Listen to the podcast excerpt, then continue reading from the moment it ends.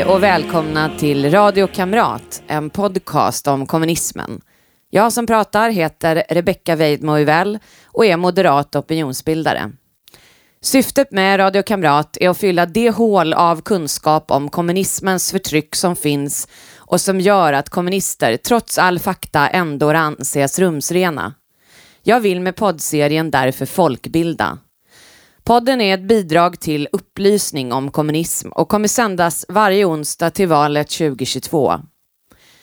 Nu har Radio Kamrat ett eget Twitterkonto. Det hittar ni på snabela kamratradio. Där kommer jag inte bara lägga ut avsnitten utan även aktuella saker jag hittar om kommunism. Podden hittar ni där poddar finns eller på podbean.com. Sök efter Radio Kamrat så kan ni streama direkt från webbsidan.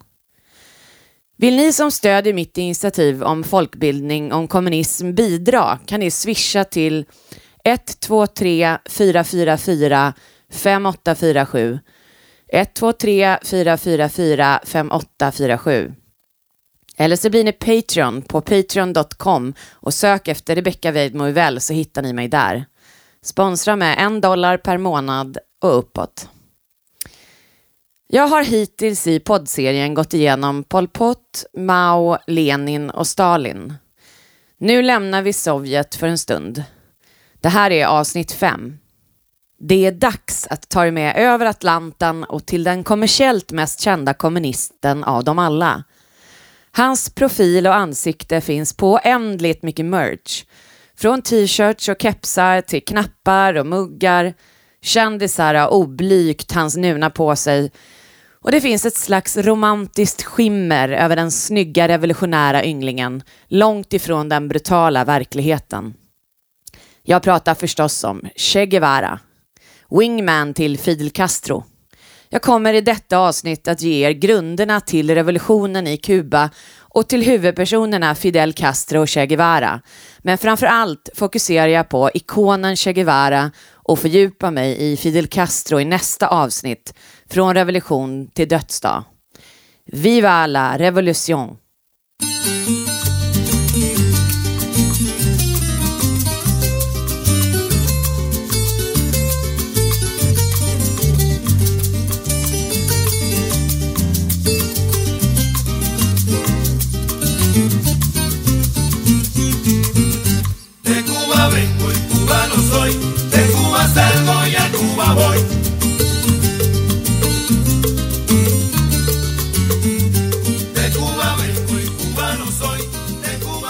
Kuba. 1898 blev Kuba självständigt från kolonialmakten Spanien då frihetskämparna fick hjälp av USA på slutet som sen fick inflytande i utbyte. Bland annat tillsatte de den nya regeringen, en marionettregering. De krävde också att få en flottbas i Guantanamo, som de fortfarande har. 1948 valdes Fulgencio Batista till president och fick stöd av både kommunister och socialistpartiet. Han satt till 1944 då hans efterträdare i valet besegrades av motståndarsidan. Den amerikanska ambassadören i Kuba skrev It is becoming increasingly apparent that President Batista intends to discomfit the incoming administration in every way possible particularly financially. A systematic raid on the Treasury is in full swing, with the result that Dr. Grau will probably find empty coffers when he takes office on October 10. Batista flydde till USA där han levde under åtta år med ny fru och nya barn och han höll sig mest i bakgrunden. Till den 10 mars 1952 då han innan valet med hjälp av militären tog makten i en oblodig militärkupp och lät sig formellt utnämnas till president, provisoriskt till presidentvalet 1954, där han var enda kandidaten för all opposition hade förbjudits. Han genomförde vissa reformer, men framför allt sålde han naturtillgångar till USA och gav lukrativa statliga kontrakt till amerikanska bolag 1919 blev alkohol förbjudet i USA under förbudstiden och då ökade turismen från USA till Kuba och maffian fick ett hårt grepp i USA. Den organiserade brottsligheten samarbetade Batista också med under sin regim, bland annat Lucky Luciano. Och ett prunkande kasino och nattklubbsliv etablerades i Havanna. Men för att behålla makten förföljde Batista oppositionella och tog bland annat bort pressfriheten. Det var en diktatur. Batistas regim präglades av tilltagande förfall, korruption och en eskalerande arbetslöshet. Och 1956 försökte USA avsätta honom i ett misslyckat kuppförsök av en arméchef. Detta till trots stödde kommunistpartiet och landets fackföreningar ändå Batista till slutet. Brothels flourished, a major industry grew up around them. Government officials received bribes, policemen collected protection money. Prostitutes could be seen standing in doorways, strolling the streets, or leaning from windows. One report estimated that 11,500 of them worked their trade in Havana. Beyond the outskirts of the capital, beyond the slot machines, was one of the poorest and most beautiful countries in the Western world. David Detzer, amerikansk journalist efter att ha besökt Havanna på 50-talet. Det var under den här perioden som revolutionärerna fick bränsle till den kommunistiska revolutionen som än idag låser in det kubanska folket. Mm.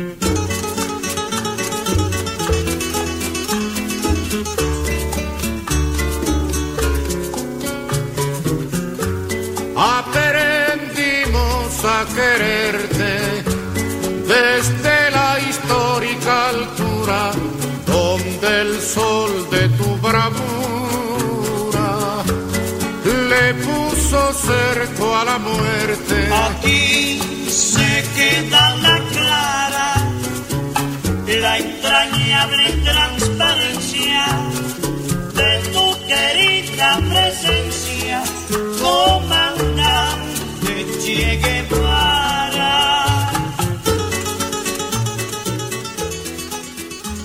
Che Guevara. Ernesto Guevara de la Serna föddes 1928 i Rosario, Argentina, i en välbeställd intellektuell familj. Han studerade till läkare, men 1951 tog han en paus och åkte motorcykel genom Sydamerika med en kompis. Motorcykeln hade han döpt till La Ponderosa 2, den mäktiga 2, och resan dokumenterade Ernesto i sin dagbok som sedermera filmatiserades. Han reste under nio månader och avverkade 8000 kilometer. Under resan upplevde han fattigdomen och maktlösheten i många länder i Sydamerika och han kom tillbaka till Argentina och studierna övertygad om att enda lösningen var kommunism och revolution.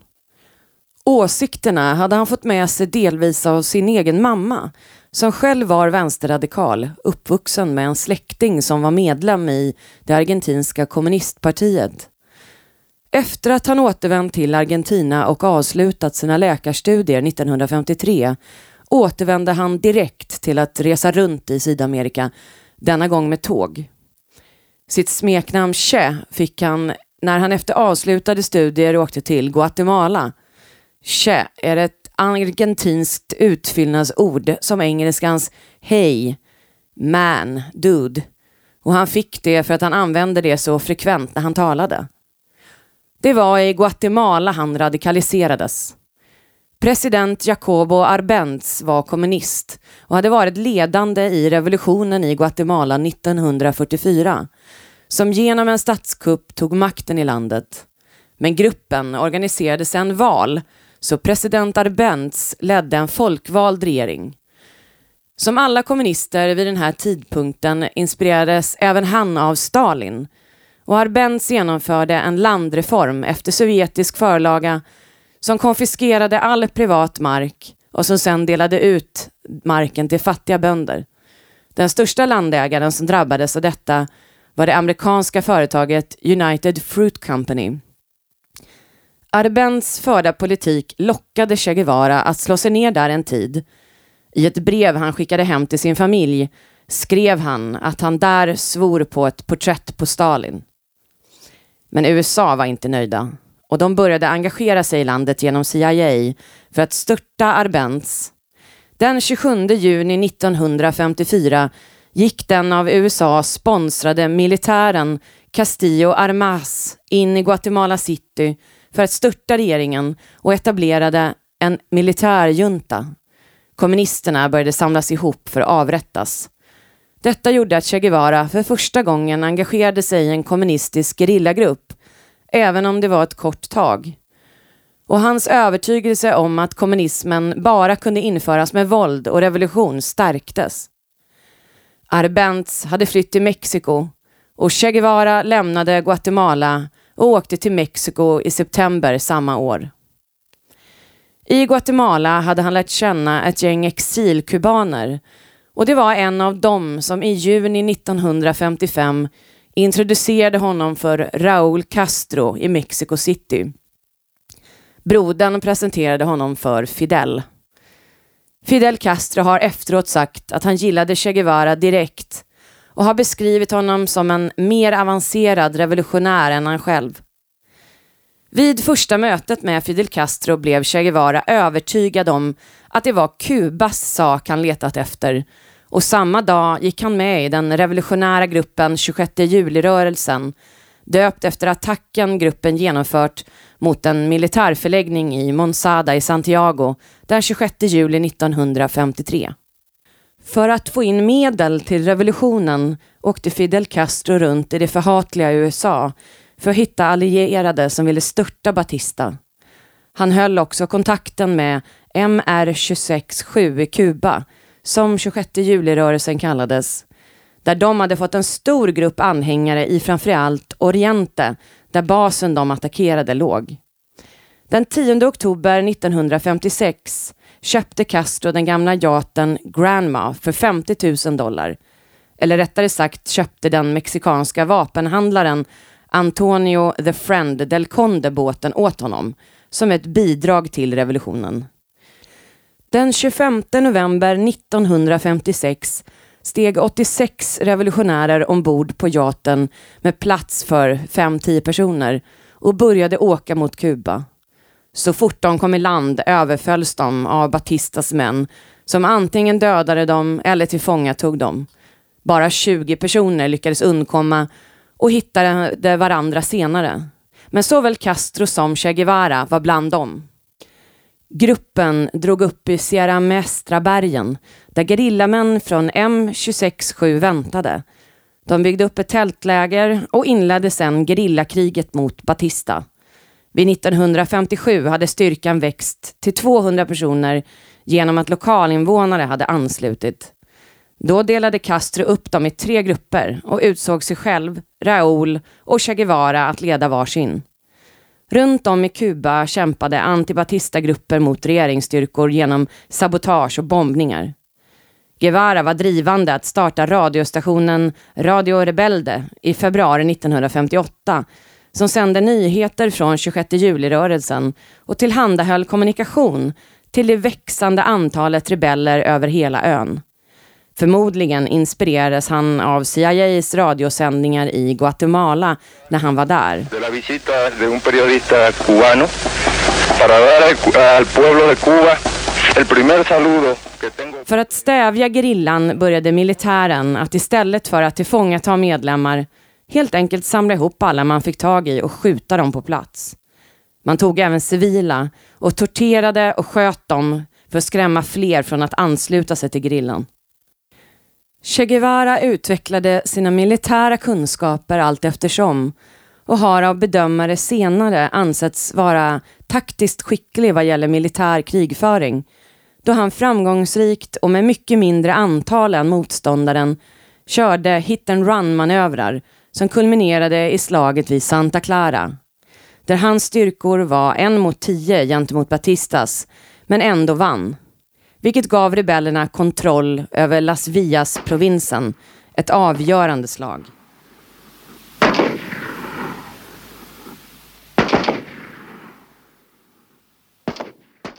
Det var under gerillakriget, när Che Guevara och de övriga bodde i djungeln, som han fullt ut utvecklade sin fäbless för våld. I januari 1957 från hans dagbok i Sierra Maestra framgår det att Guevara sköt en av gruppens medlemmar, Eutimio Guerra, för att han misstänkte att han var en tjallare. I ended the problem with a 32 caliber pistol in the right side of his brain. His belongings were now mine. Senare sköt han Aristidio, en bonde som uttryckte en önskan om att lämna rörelsen när de skulle röra på sig. Faktum är att han sköt alla desertörer direkt och de som han smita skickade han trupper efter för att avrätta på plats. Han mördade även en av nyckelpersonerna i revolutionen, José Antonio Echevarria, efter oklara orsaker. He had to pay the price var enda skälet han angav. Vid andra tillfällen simulerade han avrättningar för folk bara för att tortera dem psykologiskt. I november 1957 var grillakriget så stort att Castro vunnit kontroll över Oriente och Las Villas och delade Kuba i två delar genom att stora vägar stängdes av. Det var kaos och USA drog tillbaka sitt stöd för Batista. Fler och fler kubaner hade anslutit till kampen för att störta Batista. 1958, efter att Che Guevara tagit kontrollen över staden Sancti Spiritus i centrala Kuba, försökte han utan framgång att införa en slags sharia på befolkningen genom att reglera relationerna mellan män och kvinnor, reglera alkohol och spel. En puritanism som knappast beskriver hans eget sätt att leva. Han beordrade också sina män att råna banker, ett beslut han motiverade så här genom ett brev till Enrique Oltuski. The struggling masses agree to robbing banks because none of them has a penny in them. Idén är att revolutionen ger en slags licens att reallokera alla slags tillgångar man själv tycker är lämpliga och som man delade med Stalin för övrigt, ledde till att marxistpuritanerna tog över en herrgård. Den 1 januari 1959 flydde Batista från Kuba till den fascistiska diktatorn Trujillos Dominikanska republiken med 300 miljoner dollar. På planet fanns totalt 40 personer, förutom närmaste familj även nära vänner. USA nekade honom asyl, liksom Mexiko. Men Portugals ledare Antonio Salazar lät honom dock komma till Portugal om han avstod från att engagera sig politiskt. Han bodde först på Madeira och sedan i Estoril.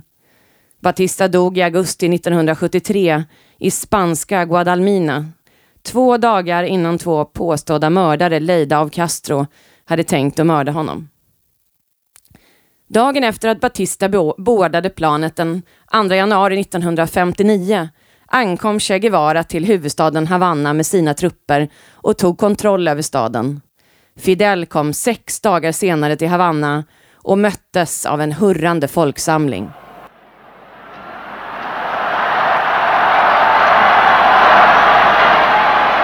Efter revolutionen bildade 26 juli-rörelsen tillsammans med andra grupper den kubanska revolutionens enade parti, vilket senare döptes om till det kubanska kommunistpartiet. Castro gav direkt Che Guevara ansvaret över fängelset La Cabana. Där anklagades och dömdes alla som ansågs vara fiender till revolutionen och alla fick dödsstraff som exekverades efter midnatt samma dag. Man tror att 500 till 700 personer av Che Guevara dömdes till döden och avrättades. Ches besatthet av kollektiv kontroll ledde honom att vara med och skapa en stor säkerhetsapparat som lever kvar än idag i Kuba.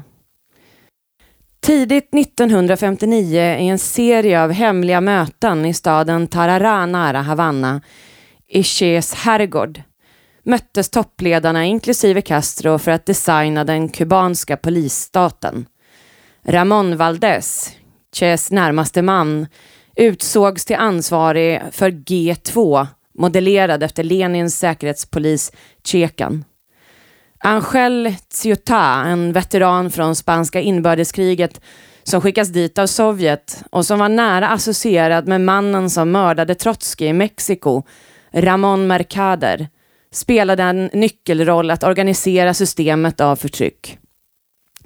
Guevara tog personligen ansvaret för G6 som skulle indoktrinera de militära styrkorna. Händelserna kring Bay of Pigs i april 1961, som jag ska gå igenom i ett eget avsnitt, blev det perfekta tillfället att sjösätta den nya polisstaten. Precis som överallt där kommunister tagit makten användes ordet kontrarevolution som anklagelse för alla man ville bli av med. Alla som tyckte någonting annat. Och precis som på andra ställen började man sätta upp läger, koncentrationsläger. Det första placerades i Guanahasabibes på den västra delen av Kuba och öppnade i slutet av 1960. En skylt med “Work will make you men” efter förlaga från Adolf Hitlers motto på Auschwitz Arbeit macht frei mötte de ihop med taggtråd runt hela lägret och höga vakttorn med soldater med maskingevär.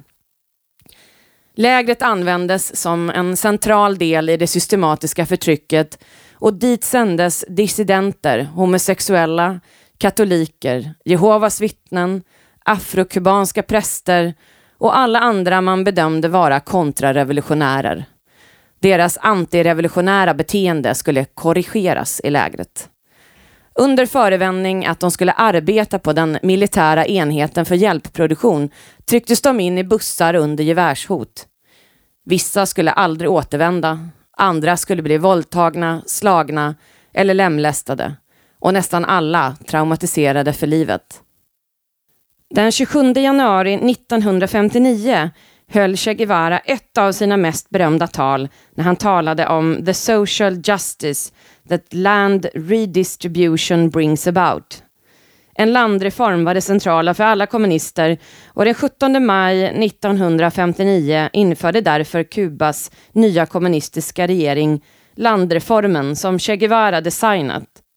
Staten tog all jordbruksmark som översteg 13 kvadratkilometer och övrig mark som översteg 4 kvadratkilometer. I ersättning fick landägarna statsobligationer. Man förbjöd ägande av mark för utlänningar och för att verkställa exproprieringen etablerades INRA, det nationella institutet för jordreform, som också etablerade en egen milis med 100 000 soldater. 1960 utsågs Che till finansminister och ordförande för Riksbanken. För att uppnå det perfekta socialistiska samhället krävdes enligt Che Guevara den nya människan. För att skapa denna nya sorts kuban skapade staten en serie av partidominerade institutioner och mekanismer på alla nivåer i samhället, vilket inkluderade arbetargrupper, ungdomsorganisationer, kvinnoorganisationer, kommunala center och kulturhus för att föra fram statssanktionerad konst, musik och litteratur. All utbildning, massmedia och kultur blev statliga och användes för att föra fram den socialistiska ideologin.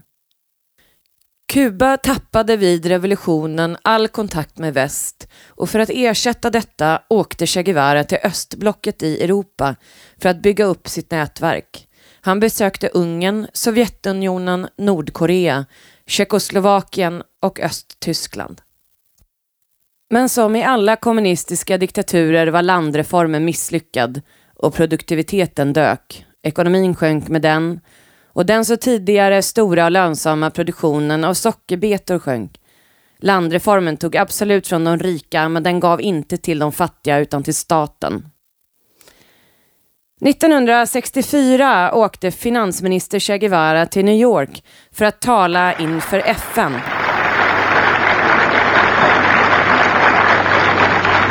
Señor presidente, señores delegados. La representación de Cuba ante esta Asamblea se complace en cumplir, en primer término, el agradable deber de saludar la incorporación de tres nuevas naciones al importante número de las que aquí discuten problemas del mundo. Saludamos, pues, en las personas de su presidente y primeros ministros, a los pueblos de Zambia, Malawi y Malta, y hacemos votos porque estos países se incorporen desde el primer momento al grupo de naciones no alineadas que luchan contra el imperialismo, el colonialismo y el neocolonialismo. Men Che Guevara, som den sociopat, mördare och narcissist han var, var han verkligen en klass för sig vad gäller våld.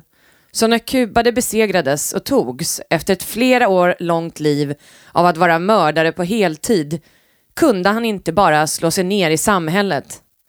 Så han lämnade Kuba för att hitta våldet och revolutionen i två andra länder. Han åkte till Kongo för att starta en blodig revolution där, hur sjukt det än låter, då Kongo redan var ett av de blodigaste länderna i världen. Eller så var det därför han sökte sig dit. Han tänkte bistå den marxistiska Simba-revolutionen och målet för Guevara var att exportera revolutionen bland annat genom att utbilda grillasoldater. Ändå lite märkligt att han valde Afrika då hans syn på svarta var att den vita rasen var överlägsen den svarta. Tio månader senare fick han dock lämna Kongo sjuk av dysenteri och akut astma. Hans kapacitet för våld matchades bara av hans utstrålning. I april 1967 summerade han från sin egen erfarenhet sin modiska idé om rättvisa i texten Message to the Tricontinental. Hatred as an element of struggle, unbending hatred for the enemy, which pushes a human being beyond his natural limitations, making him into an effective, violent, selective and cold-blooded killing machine. Hösten 1966 åkte Guevara till Bolivia inkognito, skägglös och rakad på huvudet för att skapa och leda en gerillagrupp i Santa Cruz-regionen. Efter några inledande framgångar fann sig dock Guevara på ständig flykt undan den bolivianska armén. Han sökte och fann till slut döden ensam, 39 år gammal, på en boliviansk bergssida den 9 oktober 1967 efter att CIA spårat honom i fem månader genom den svårgenomträngliga bolivianska djungeln där han gömde sig i den avlägsna byn La Higuera. Kroppen togs till Valle Grande där en obducent tog bort hans händer som bevis för att han var död. Fidel Castro hade fått nyheten om hans bortgång och planerade redan en grandios begravning i Havanna där Che Guevara skulle hyllas som hjälte och få en storslagen ceremoni. Den 18 oktober 1967 samlades uppemot en miljon sörjande kubaner i Havanna för att hylla Che och lyssna till Fidel Castros minnestal. Fidel Castro sa bland annat Che var en sån människa som alla tyckte om på en gång för hans enkelhet, hans karaktär, hans naturlighet, hans kamratliga inställning, hans personlighet, hans originalitet. I Vallegrande fanns en man vid namn Gustavo Villoldo enligt en artikel från Houston Press 2009. I två år hade han spårat Che Guevara från djungeln i Kongo till den vindpinade bolivianska bergssidan. Mördaren Che Guevara som tagit så många revolutionärer och patrioters liv, som Villoldos pappa till exempel, skulle inte få martyrskap. Han smög mitt i natten tillsammans med två män ut med liket och åkte till en avlägsen plats där de förberett ett stort hål i marken med en grävskopa. De slängde ner kroppen och fyllde igen hålet. Den omärkta graven skulle förbli okänd många decennier. Gustavos föräldrar härstammade från rika spanjorer och tidigt 20-tal drev Gustavo en framgångsrik juristfirma i Havanna. Familjen ägde ett 30 000 hektar stor ranch i nordvästra Kuba och en General Motors-fabrik och sålde bilar.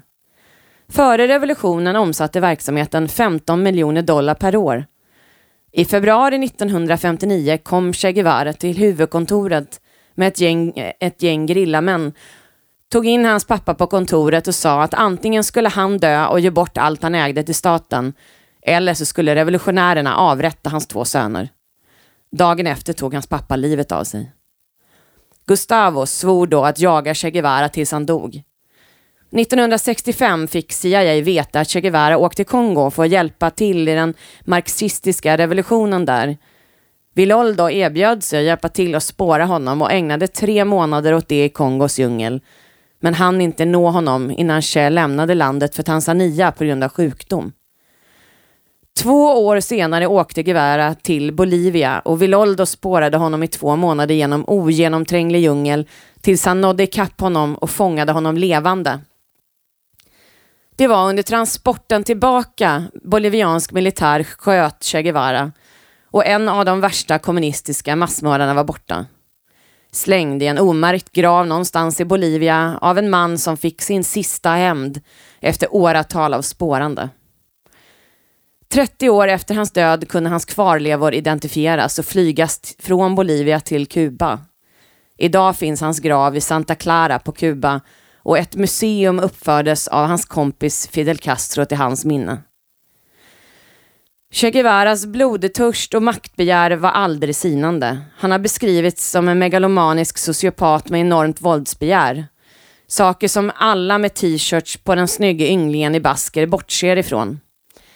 Det finns ett uttryck i Argentina. Tengo una remera del Che y no sé por qué. Som betyder, jag har en Che t-shirt och jag vet inte varför. Trots detta förvandlade ett enda fotografi en ögonblicksbild av Che precis i början av sitt förfall till seriemördare till en pervers personkult. Snygg som en filmstjärna och med nästan religiösa attribut som skägget och stjärnan förvandlade honom till en även idag av vänstern beundrad ikon. Trots att vi har vetskap om att ondska även kommer i vackra förpackningar har hans foto märkligt nog inte tappat sin förtrollning på människor än idag. Ironiskt nog är kommunisten Che Guevaras ansikte taget av Alberto Corda, idag en stor industri och ett varumärke, en kapitalistisk framgångssaga. Och trots allt man vet om honom, hans våldsamma liv, beskrivs han av vänstern så här ännu idag. Ernesto Che Guevara is a modern hero, a brooding powerful symbol of selfless dedication to the poor and the oppressed. Den 9 oktober 2017 hade Bolivias kommunistiska president Evo Morales ett hyllningsmöte till Che Guevara i Valle Grande. Vi har samlats här i Vallegrandes symboliska stad. Bönder, ursprungsfolk, studenter, ungdomar, sakkunniga, konstnärer och intellektuella från många länder i en gemensam antiimperialistisk, antikolonialistisk, antikapitalistisk hälsning till Che som kämpade för vårt Amerika. Vår bästa hyllning är att fortsätta hans kamp. I Sverige finns det tyvärr gott om personer som skamlöst hyllar denna man. På Svensk-kubanska föreningen till exempel döljer man inte kärleken till psykopaten Che Guevara. När vi hörde talas om Ches död, då var vår första tanke, var det nödvändigt att han dog? Just nu när han behövdes mer än någonsin. Hade det inte varit möjligt att komma till hans undsättning, få honom i säkerhet? Han var sjuk, led av astma, reumatism. Fanns det ingen plats för honom där han hade kunnat verka som planerare, som revolutionens ledare? Frågan ställdes, offrade han sig? Gjorde han sig till martyr? Vi vill inte ha några helgon. Vi avvisar mysticismen som lägger en gloria kring offerdöden. Vi avvisar bilden av Kristus tagen från korset, väntande på uppståndelens dag. Och ändå, Che död, förrådd i ett bakhåll, en sargad kropp. Den 12 oktober 2012 skrev Per Gudmundsson på Svenska Dagbladet ABF hyllar homofob massmördare och beskrev en utannonserad hyllningskonsert till Che Guevaras minne i samarbete med Svensk-Kubanska föreningen. Den 8 oktober 2016 skrev Kommunistiska partiet i Uppsala på Facebook Lyckat Che-möte i Uppsala. Lördag 6 oktober deltog cirka 50 personer i Svensk-Kubanska föreningens möte i Uppsala, en hyllning till Che Guevara. 2009 spelade Sven Wollter in låten Hasta Siempre, en hyllningslåt till Guevara.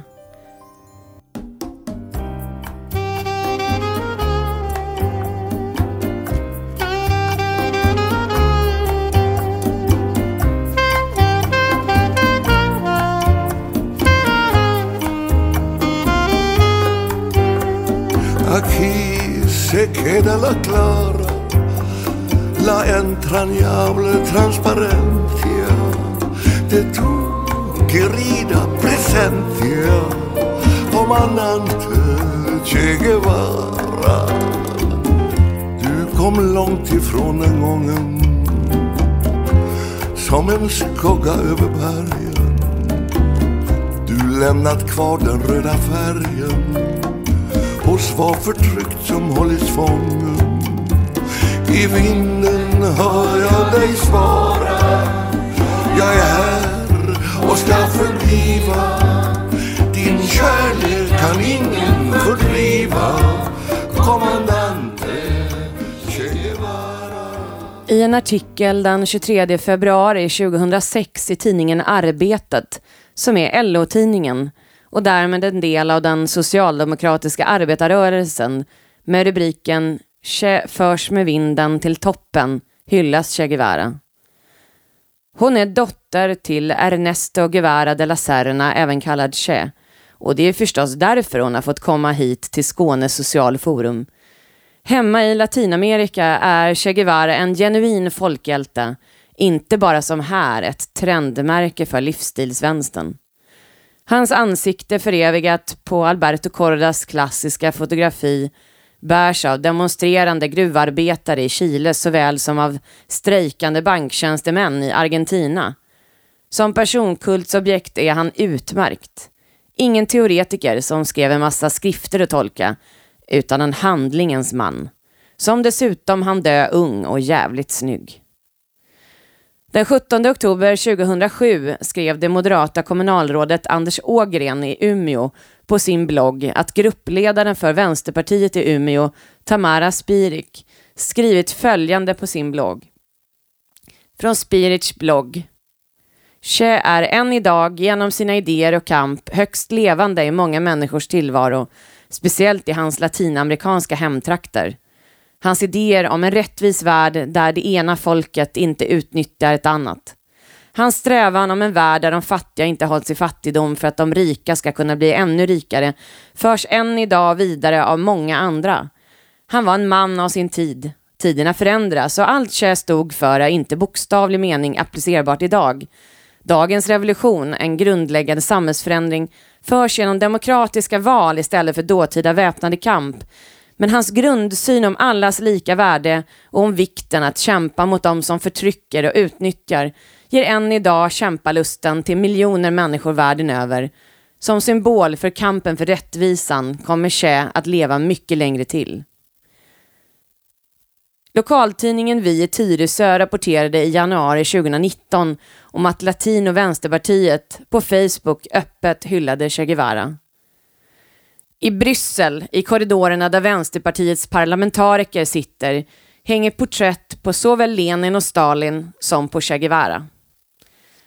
Ung Vänsters slagord är bland annat Ho, ho, Ho Chi Minh, Che Guevara. Vänsterpartisten Jenny Bengtsson har poserat på fotografier med Che Guevara-t-shirt. Sven Wollter sa på 40-årsdagen av Che Guevaras död han var och är en viktig frihetskämpe för den lilla människan i världens alla fattiga länder. Slutligen vill jag passa på att tacka alla er som lyssnat på podden. Vill ni stödja mitt projekt om upplysning om kommunismen kan ni swisha till 123 444 5847 eller bli Patreon på patreon.com och sök efter Rebecca Weidmo Med det säger jag hej då och på återseende.